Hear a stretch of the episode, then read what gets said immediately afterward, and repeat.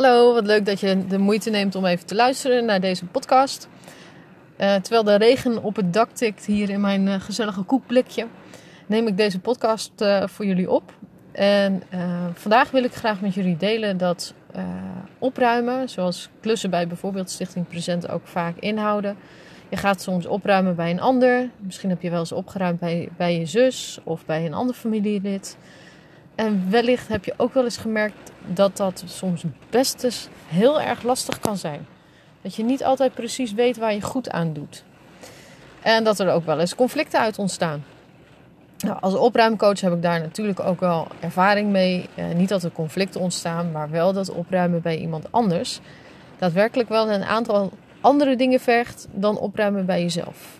Bij jezelf ben je degene die zelf de beslissingen neemt als je bij iemand anders opruimt, dan ben jij niet degene die de beslissingen neemt. Zelfs niet als het gaat om iemand die kwetsbaar is. De ander is eigenaar van de spullen, is eigenaar van de ruimte en die mag dus ook de beslissingen nemen. Dus ik wil hier graag in deze podcast een aantal tips met jullie delen voor concrete tips ook voor het opruimen bij iemand anders, bijvoorbeeld bij je familie of wie weet bij iemand via Stichting Present.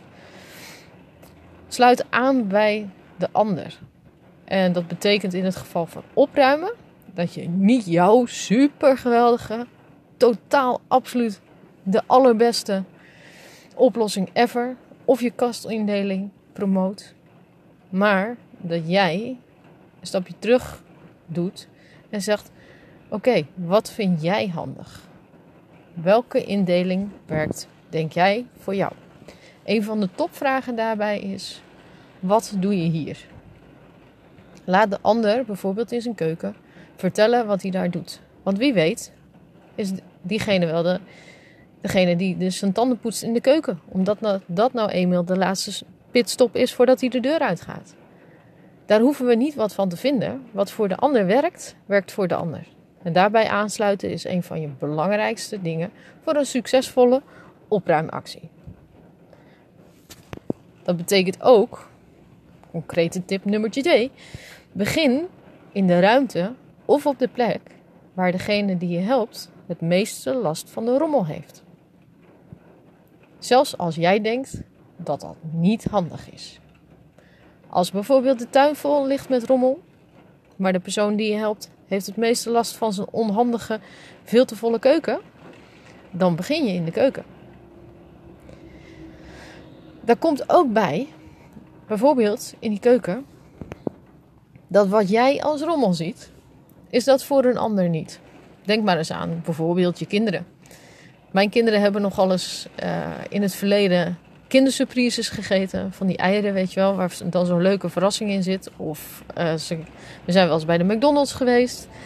Krijg je allemaal van die speelgoedjes. Voor mij is dat echt rommel. Ik heb het liever niet in huis. Maar voor hen is het speelgoed en willen ze dat graag bewaren. Dan is dat voor mij dus belangrijk om die keuze te respecteren. En nu gaat dat met mijn kinderen natuurlijk nog af en toe wel eens een keer anders. Dat ik zeg van jongens, we gaan nu echt opruimen. Maar als jij bij een ander helpt, denk er dan over na. En denk eraan dat wat voor jou rommel is, dat voor de ander soms niet is. Dus als iemand iets niet weg wil doen, dan respecteer je die keuze. Hoe onlogisch dat voor jou ook lijkt. Even een stapje opzij doen en de ander laten kiezen werkt vaak het allerbeste. Wat je ook kunt doen, stel het is heel veel en het is, je komt met vier of vijf mensen tegelijk om te helpen, dan kan het voor de persoon die je helpt ontzettend overweldigend zijn als diegene moet, uh, steeds moet beantwoorden: moet dit weg? Mag dit blijven? En dan keer vijf. Je kunt je voorstellen dat iemand dan misschien het overzicht verliest. Wat je kunt vragen om dit te voorkomen is om te, dat de persoon die je helpt van tevoren stickers plakt op de dingen die sowieso weg kunnen. Daarmee geef je een aantal mensen uit de groep, als je bijvoorbeeld met een groep mensen helpt, alvast de mogelijkheid om die dingen inderdaad uit huis te halen. En je kunt samen nog eens even kijken naar de items waar geen stickers op zitten. Je kunt ook voorstellen in het geval van een presentproject dat je zegt: ik kom de avond van tevoren of ik kom uh, een paar dagen van tevoren en dan plakken we even samen stickers. Dan nog is het belangrijk dat je nog steeds de keuze van de ander respecteert. Maar soms helpt het als een kleine stok achter de deur om dit taakje ook werkelijk te doen. Dan, dan verder. Dan ben je concreet aan het opruimen. Wat dan van belang is, dat je er van tevoren over nadenkt wat je nodig hebt. Mijn ervaring leert dat je minimaal drie bakken nodig hebt en een vuilniszak. De drie bakken bestaan uit één bak voor blijven, een bak voor twijfelitems en een bak voor wegdoen. Dus let op, niet de kapotte spullen, want die gaan in de vuilniszak. Het doel is dat de items in de blijversbak netjes een plek, plek krijgen op de juiste plek waar diegene. Nou, Oké, ik ga even heel even dit zinnetje overnieuw doen, want daar ging ik even de mist in. Het doel is dat de blijvers netjes een plek krijgen in de ruimte waar ze horen. De items in de twijfelbak krijgen een weekje de tijd. Hier mag de persoon nog echt wel eventjes over nadenken. In het geval van familie is het dan belangrijk dat je even na die week zegt van hé, hey, hoe is het ermee? Kan die bak weg?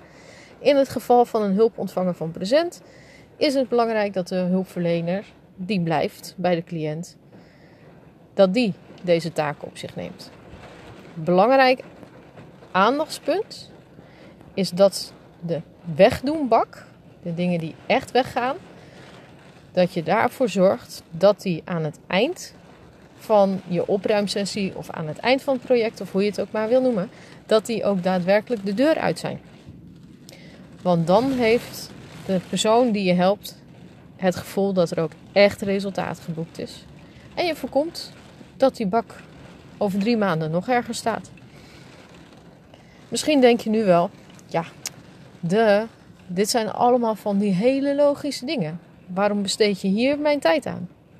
Nou, ik kan je zeggen, de ervaring leert mij dat we allemaal wel eens in deze valkuilen stappen. Soms is het gewoon goed om je van tevoren over deze dingen nog eventjes goed na te denken en je van tevoren goed te verdiepen in degene die je gaat helpen.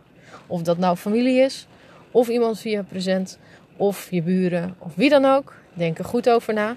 En dan wens ik je met elkaar heel veel opluim, op, opluim, opruim plezier. Dag!